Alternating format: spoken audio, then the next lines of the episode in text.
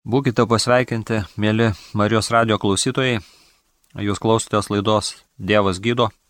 Su jumis bendrauja, jums kalba Šakių Šventojo Nukrikščitojo parapijos kunigas Antanas Matusevičius. Šiandien kalbėsime apie tai, kad viešpats Dievas gydo, nes jis yra tas pats vakar, šiandien tas pats ir per amžius. Nors šie žodžiai iš laiško žydams buvo pasakyti taikant Jėzui Kristui, bet kadangi Jėzus Kristus yra ne tik žmogus, bet ir Dievas, Tai galima sakyti, kad Dievas, tėvas, Dievas sūnus, Jėzus Kristus, kaip Dievo sūnus, tapė žmogumi, gavęs iš mergelės Marijos žmogaus prigimtį ir šventoji dvasia, trismenis vienas Dievas gydo. Gydė vakar, gydo šiandien, gydės rytoj. Ir apie gydimą kalbėsime, kadangi šios laidos kontekstas ir turinys gydančio Dievo pašlovinimas, įsižiūrėjimas į gydantį Dievą Ateimas pas gydantį Dievą, atsiverimas gydančiam Dievui. Kalbėsime apie Dievo žodį, kuris yra vienas iš būdų, gal net vienas iš pagrindinių būdų, kuriuo Dievas gydo žmogų. Dievo žodis yra labai svarbus.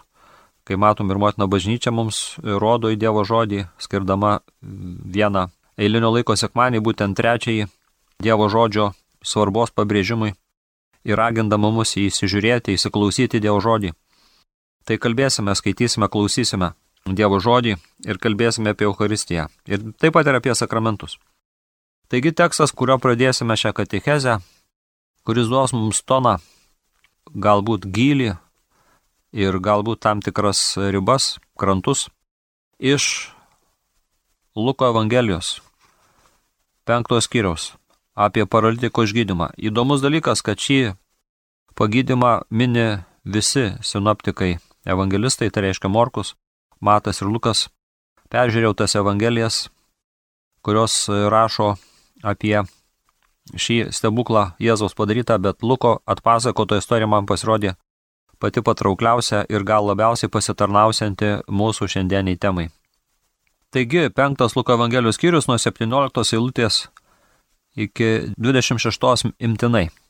Vieną dieną Jėzus mokė žmonės, Ten sėdėjo fariziejų bei įstatymų mokytojų, kurie buvo susirinkę iš visų Galilėjos ir Judėjos kaimų, taip pat iš Jeruzalės, o viešpaties galybė skatino jį gydyti.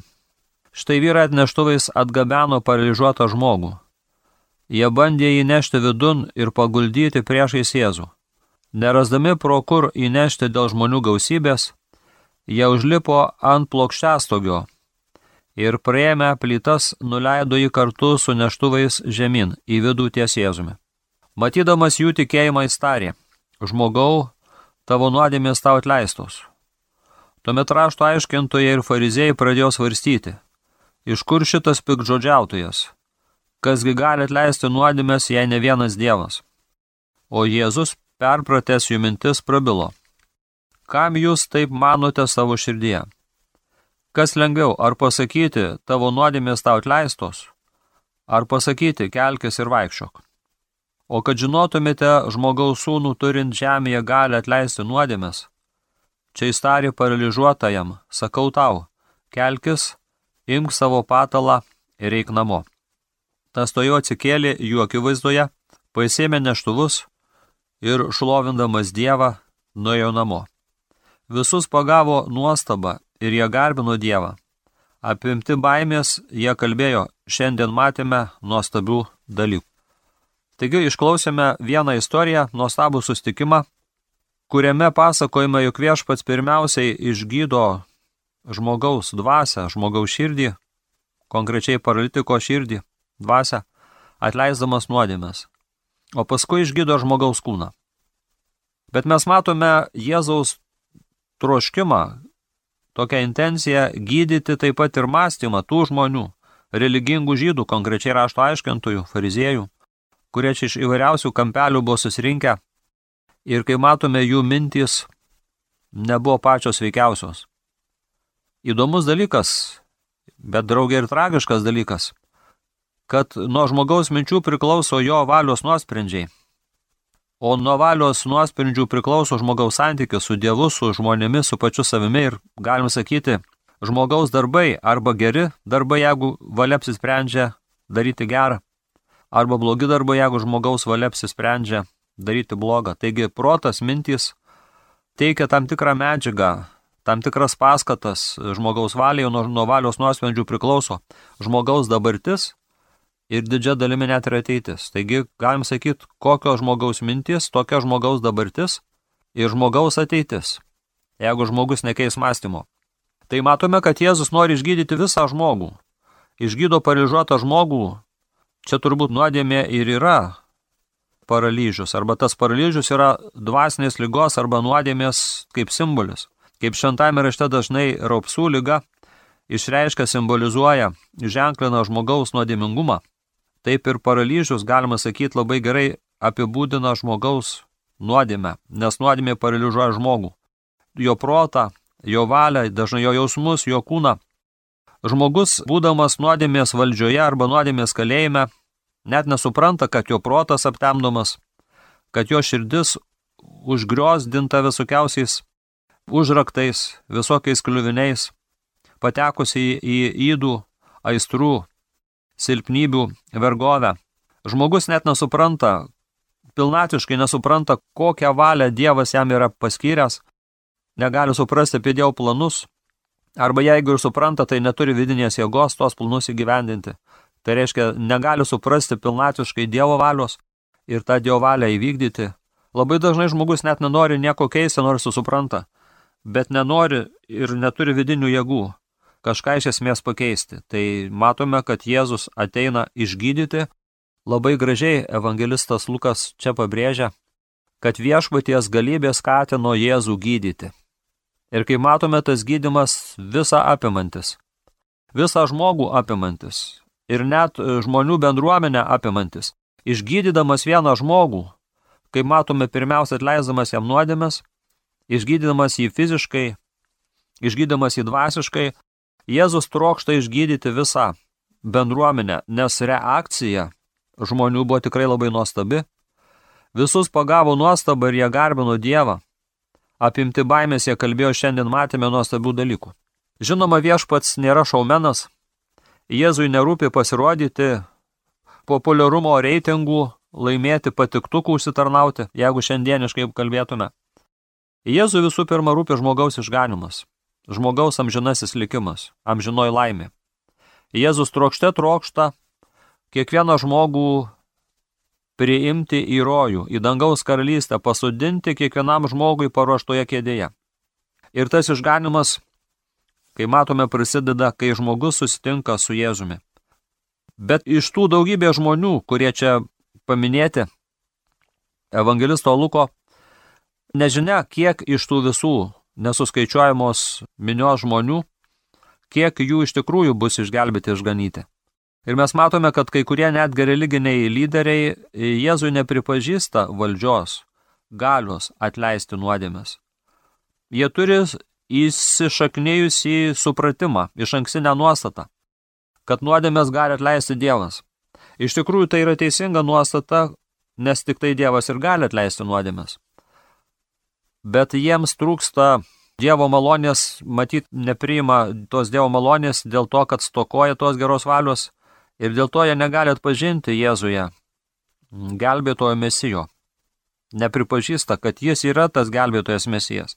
Matome, kad neteisingas supratimas labai dažnai užblokuoja žmogų, aptemdo jo sąmonę, jo protą, jo valią. Ir jeigu tai yra giliai įsišaknėję žmoguje, tai tiesiog paralyžuoja žmogaus vidų. Galbūt net galima būtų sakyti, kad tikrieji paralyžiuoti buvo tie farizėjai rašto aiškintojai. Nes tas paralitikas, kurį draugai atnešė neštuvais, pririštą neštuvais ir nuleido prieš Jėzaus veidą, jisai buvo išgydytas, jam buvo nuodėmės atleistos, o štai didelis klaustukas.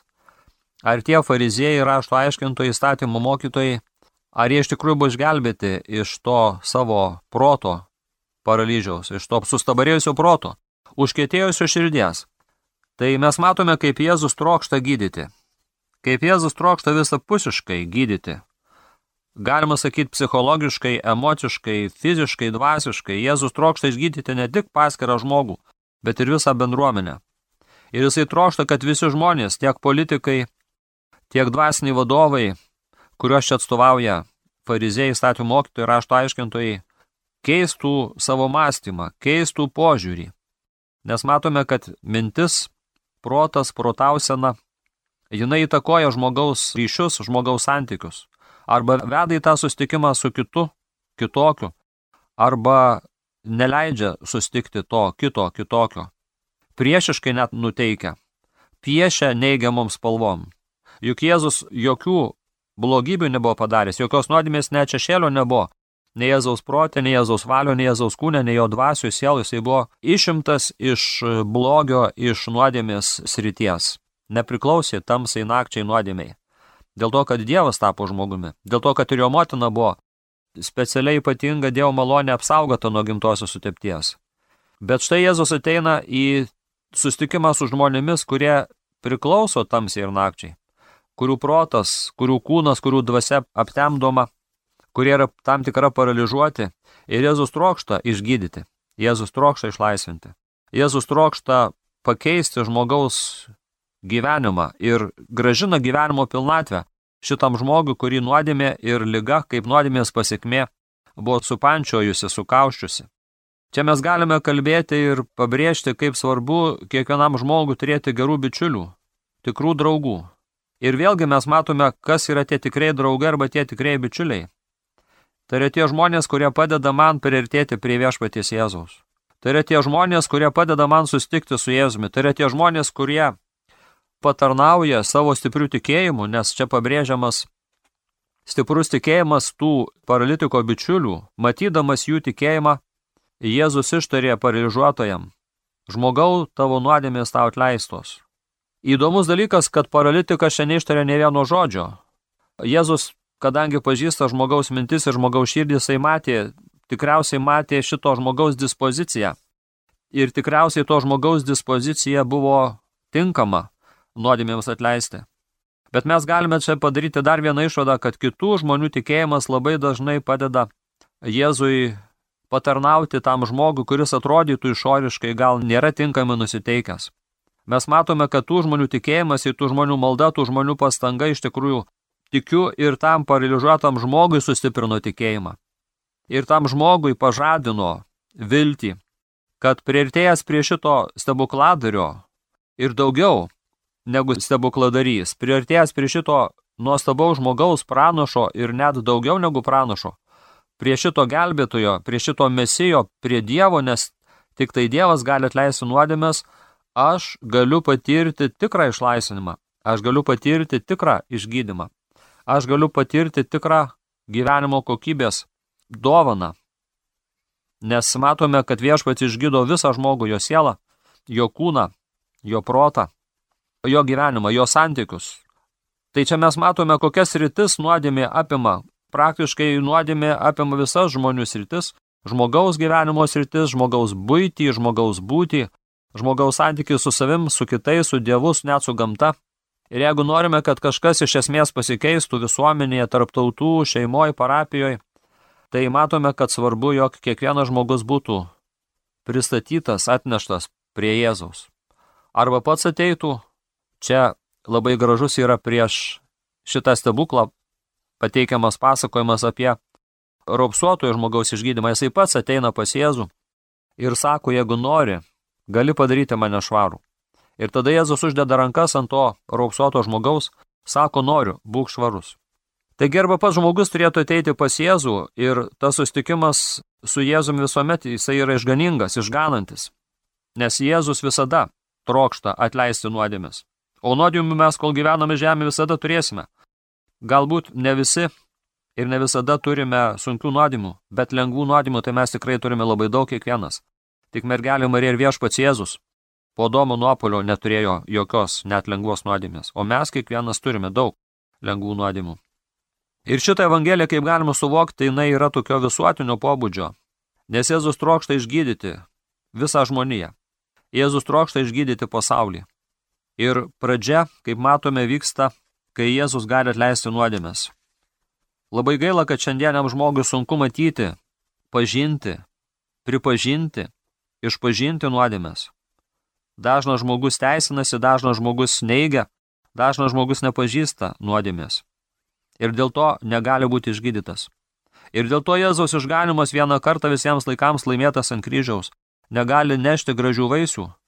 Kryžius Jėzaus negali duoti gražių vaisių dėl žmogaus netikėjimo, dėl žmogaus susisklendimo. Štai matome, kai kurie žmonės, kurie ateidavo pas Jėzų, būdavo išgydomi, jų gyvenimas stebuklingai pasikeisdavo. O kiti nors ir matydavo, nors ir bendraudavo, nors ir atrodo buvo intelektualai, šviesuoliai, bet likdavo tam pačiam savo supratime ir žmogiškam ribotume. Išdidumas, puikybė, geros valios toka neleidžia žmogui ir tam tikrą prasme neleidžia Dievui ateiti į tą situaciją ir viską perkeisti, viską atnaujinti. Taigi, mintys labai svarbios.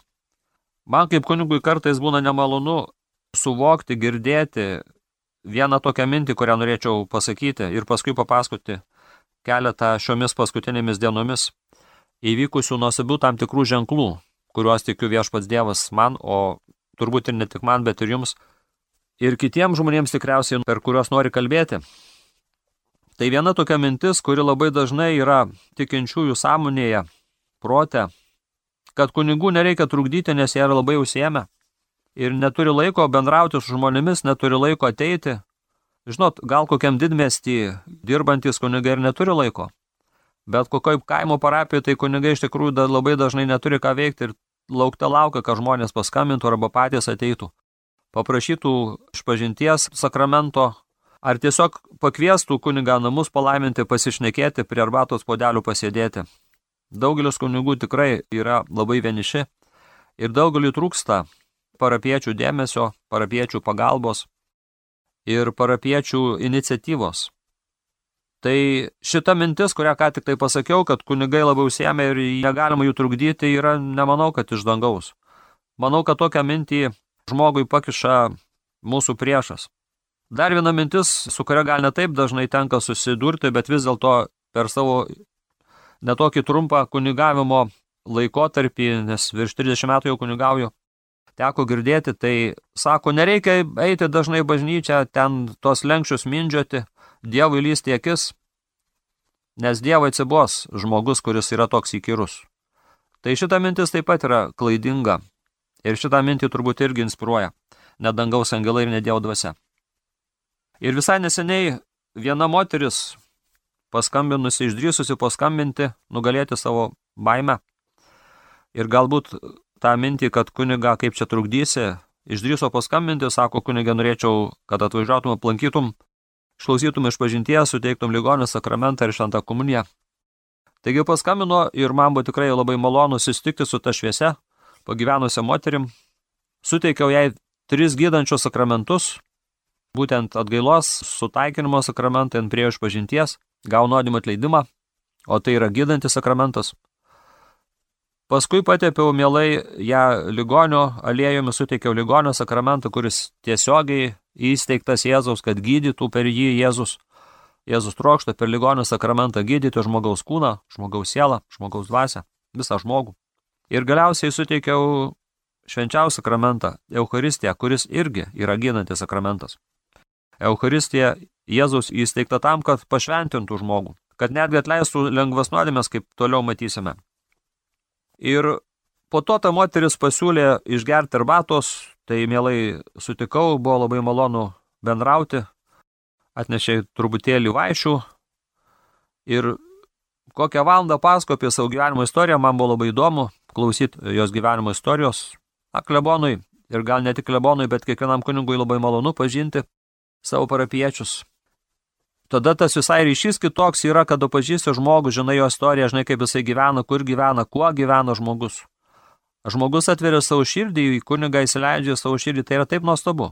Bet jis leisdamas kunigą į savo namus, kad patarnautų kaip kunigas, atlikdamas kunigišką tarnystę, suteiktų sakramentus, arba po to įsileisdamas kunigą taip pat ir į savo širdį, atverdamas ją, papasakodamas savo gyvenimo istorijas, papasakodamas su pasitikėjimu, kuo gyvena, kaip gyvena, kur skauda, kuo džiaugiasi, iš tikrųjų žmogus įsileidžia tam tikrą prasme ir viešpatį Jėzų. Tikrai daugiau kaip valandą bendravom su ta moterim, toks pamalonintas, pradžiugintas grįžau namo, ta moteris matys irgi atsigavo, kitą dieną paskambino man telefonu, sako, kunigė, nuėjau pas gydytoją ir sako, na tai gydytoja matyt atliko tam tikras procedūras ar diagnozavo e, jos sveikatos būseną, sako, mano kūno sveikata pagerėjo. Tai pasakiau tai moteriškai tikrai nieko nuostabaus, nes viešpats Jėzus teikė tau tris sakramentus, o be to matėsi, kad ir tas bendravimas su kunigu jai buvo tikrai palaimingas, kaip ir man. Tai va šitą istoriją papasakau, nes turi tiesioginį sąryšį su tuo, ką mes šiandien skaitome šventame rašte iš Luko Evangelijos 5 skyriaus apie paralyžiuoto žmogaus pagydymą. Šį rytą po šventų mišių ateina viena moteris į Zakristiją ir noriu sakyti mišes už savo mirusį giminaitį. Ir pasakoja, kad sako, prieš metus, kai aplankiai kunigę tą mirusį žmogų, artimą brangų šeimos narį, jam sako labai pagerėjo po to, kai buvo suteiktas ligonis sakramentas, bet pagerėjo ne ta prasme, kad buvo tikriausiai atleistos nuodėmės, kad jam buvo suteiktas ligonis sakramentas.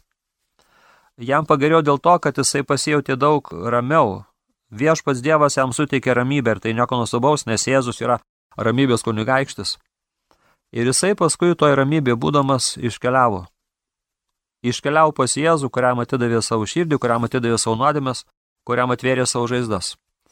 Matot, mylimi Marijos radio klausytojai, tie sakramentai, tiek atgailos, tiek ligonių sakramentas, tiek ir šventoji komunija, jie ne tik tai gausina malonės arba duoda malonę, kaip atgailos sakramentas gražina pašvenčiamą malonę, jeigu žmogus buvo per sunkę nuodėmę jos netekęs, bet ir duoda ramybę.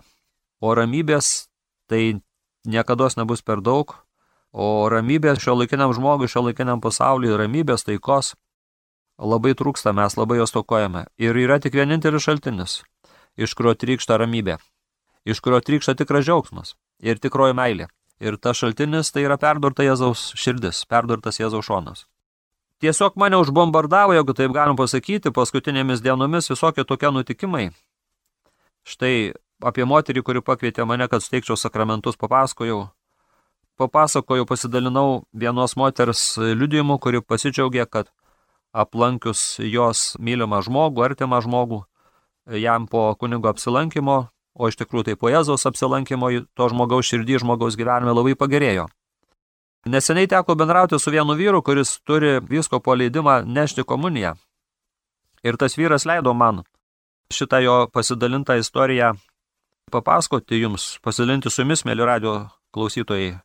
Tai sako, sekmadieniais nešu vienai savo parapietėjai, labai samoningai moteriai, kuri dėl sveikatos ar dėl lygos negali ateiti į sekmadienio karisą, į sekmadienio mišes, nešu komuniją. Jis sako, ta moteris labai samoninga, jinai sako, jeigu turi ką pasakyti, tai sakyk dabar, nes paskui, kai aš priimsiu komuniją, šiandžiausiai jau nebegalėsiu ir nenorėsiu su tam kalbėti. Ir taip sako, jinai džiaugiasi. Ir norėčiau pabrėžti, mėlos sesis brangus broliai, kad labai svarbu, jog tie žmonės, kurie negali ateiti į Eucharistiją, į šventasias mišes, kad jie pasinaudotų tų neordinarinių šventos komunijos dalintojų Tai yra, kai kada vienuolės, kai kada vyrai, kai kada moteris, gavę visko paleidimą, baigę tam tikrus kursus, jie turi teisę nešti švenčiausią sakramentą namuose esantiems vyresnio amžiaus žmonėms arba ligonėms.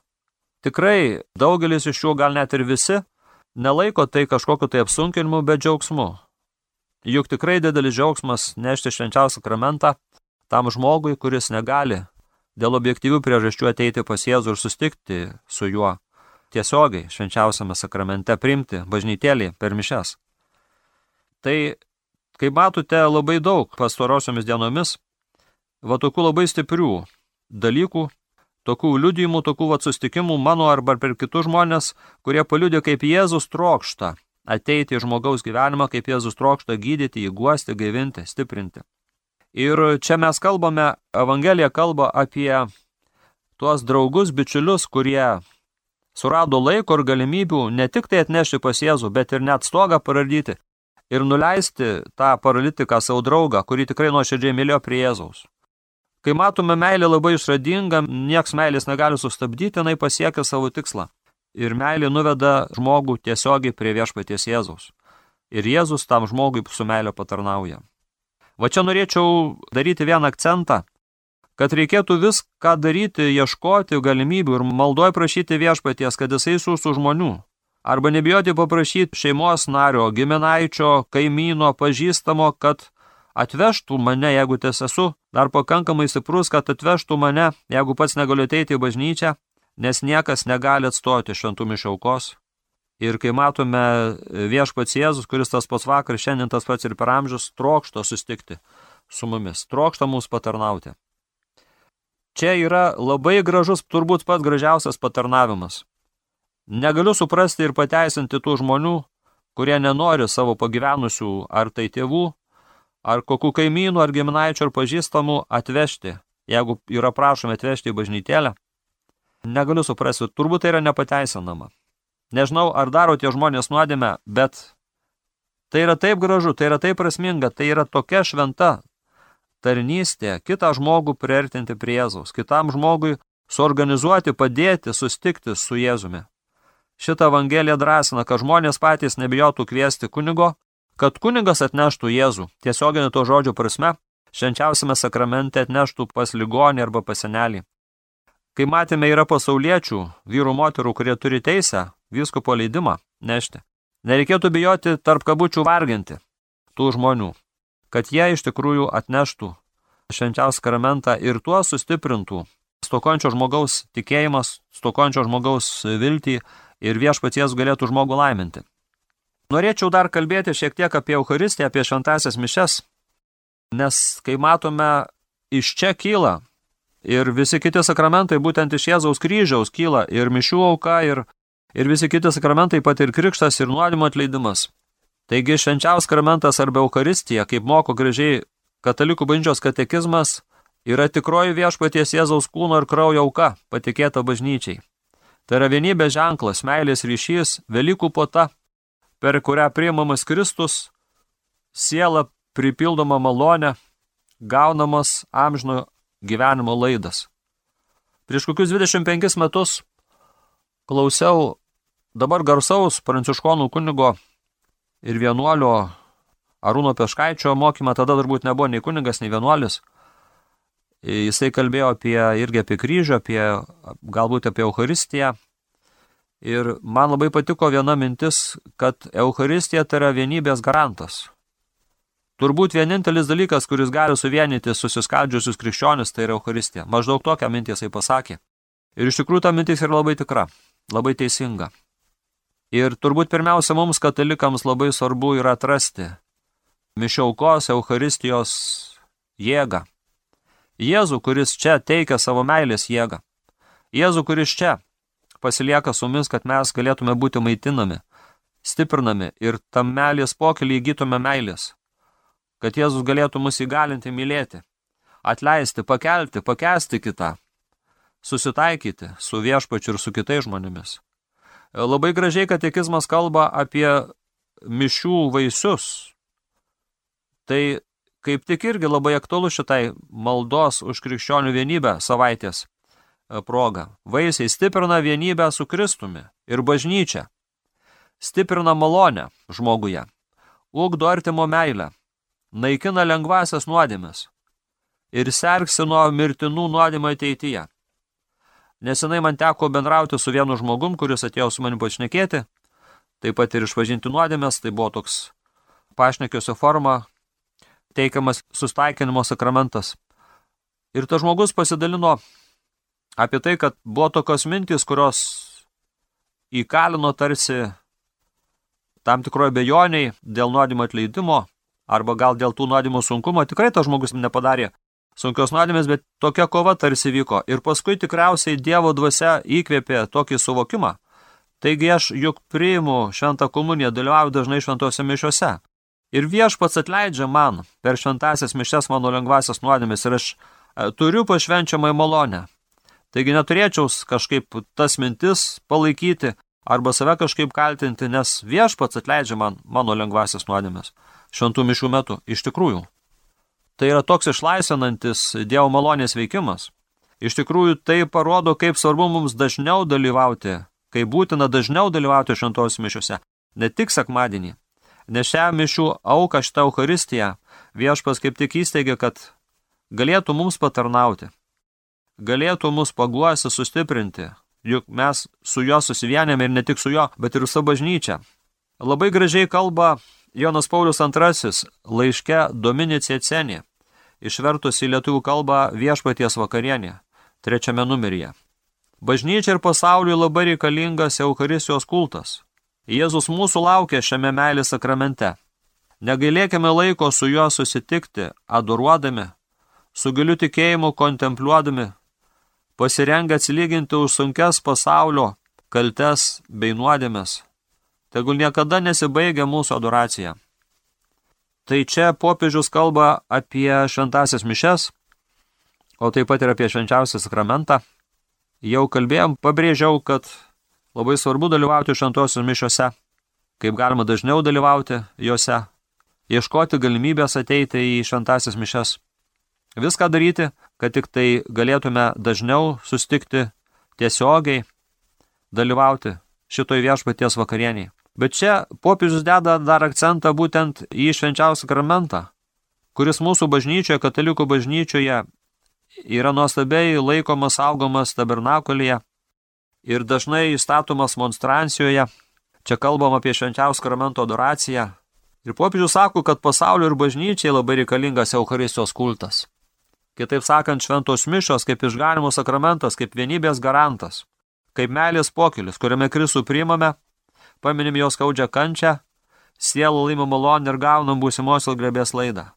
Ir popiežius ragina savo e, mylimus vaikus, savo mylimas avis, tai reiškia Dievo vaikus ragina, tiesiog Jėzus ragina per šitą šventą popiežių, kad mes negailėtume laiko su Jėzumi sustikti, adoruodami Jėzų su giliu tikėjimu, kitaip sakant, ateidami ne tik į mišes, bet ir pasilikdami, jeigu tik yra galimybė, adoracijai, deginti savo brangų laiką, žiūrėdami su tikėjimu į viešpatį Jėzų su dievystė ir žmogystė, pasiliekant į švenčiausiame sakramente. Kad kontempliuotume Jėzų, kitaip sakant, kad žiūrėtume, valgytume Jėzų savo akimis, savo protų, savo sąmonę, pasąmonę, jausmais, emocijomis. Įsižiūrėtume Jėzų, nurimtume, kaip Lozeriaus sesuo Marija, kurie sėdėjo prie Jėzaus kojų ir klausėsi maloningų Jėzaus žodžių. Kad mes ateitume pas Jėzų dėl jo paties, su tikėjimu ateitume. Ir tai iš tikrųjų ir perkeičiantis, pašventinantis sustikimas. Žmogus, kuris nuolatos daug laiko praleidžia adoracijų, jis keičiasi, Dievas jį keičia. Bet sako Jėzus, kad per popiežių, kad mes ateitume ne tik adoruoti ir kontempliuoti, bet taip pat ateitume ir norėdami atsilyginti už savo ir kitų žmonių kaltes, net pasaulio kaltes bei nuodėmes. Ta žmogus, kuris ateina pas Jėzų, jisai tampa taikdariu, jisai tampa e, didžiausių geradariu. Jisai kaip mozė, kaip kiti užtarėjai, pagaliau kaip viešpats Jėzus, pakeltas nuo žemės, ištiesas rankas ant kryžiaus, tampa išganimo šaltiniu. Jėzus yra vienintelis tarpininkas ir vienintelis išganytojas, bet jisai leidžia mums dalyvauti tame pasaulio atpirkime ir panaudoja mūsų kentėjimus, mūsų meilės pastangas ir vat ypatingai. Kai mes norime atsiteisų savo ir kitų nuodėmės, mes tampam ypatingai brangus. Viešpačiai Jėzų ir ypatinga jėga per mus yra duodama pasauliu gydanti, sutaikanti, pašventinanti pasaulį, išgananti pasaulį jėga. Jėzus veikia per savo šventuosius, per savo išrinktuosius. Todėl sako, tegul niekada nesibaigia mūsų adoraciją. Ir norėčiau paskaityti dar vieną iš katekizmo citatą. Čia Tridento susirinkimas labai gražiai kalba apie šventų mišių auką, būtent apie tos aukos sutaikantį pobūdį. Vėlgi kalba apie nuodimo atleidimą.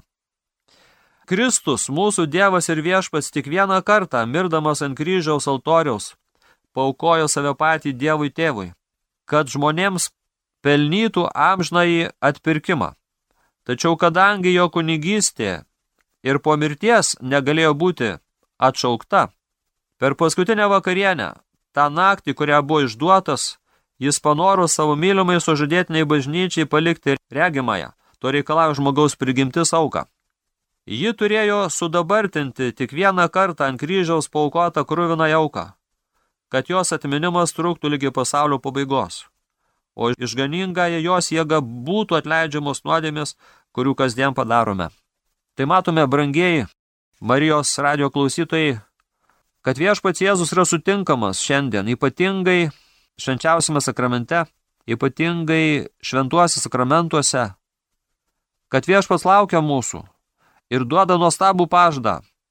Ateikite pas mane visi, kurie vargstate, esate prislikti, aš jūs atgaivinsiu. Jono Evangelijoje Jėzus sako, aš nužengiau vykdyti dangiško tėvo valios, o jo valia reikalauju, kad nepražudyčiau, nei vieno, bet kad prikelčiau paskutinę dieną. Ir ne vienas, kuris ateina pas mane, nebus atstumtas. Nebijokime artėti prie Jėzaus. Nebijokime jam atverti savo žaizdas, atiduoti savo nuodėmes. Nebijokime jam nešti savo maldoj, o kai kada ir tiesiogiai, kaip tie paralyžiuoto žmogaus bičiuliai tiesiogiai gabenti, padėti, artėti, ateiti pas Jėzų žmonėms. Savo malda, savo paraginimais, o kartais tiesioginė prasme padėdami tą žmogų priartinti prie Jėzos atveždami ar atstumdami, jeigu koks žmogus su negali yra. Nebijokime iš tikrųjų patarnauti broliams sesėms. Šitą meilės tarnystę tikrai neš gražių vaisių ne tik mums, bet ir kitiems. Prašykime, kad viešpats Jėzus visų mąstymą ir širdį keistų, kad visiems mums nuodėmės atleistų, kad visus mus gydytų, kad niekad nepamirštume, jog viešpaties galybė skatina Jėzų gydyti, nes Jėzus tas pats vakar, šiandien tas pats ir per amžius. Baigime šios dienos katechezę apie Dievo žodžio gydančią, apie Eucharistijos sakramentų gydančią galę. Jums kalbėjo kunigas Antanas Matusevičius, o laida, kurios klausėmės, Dievas gydo. Garbėzui Kristui.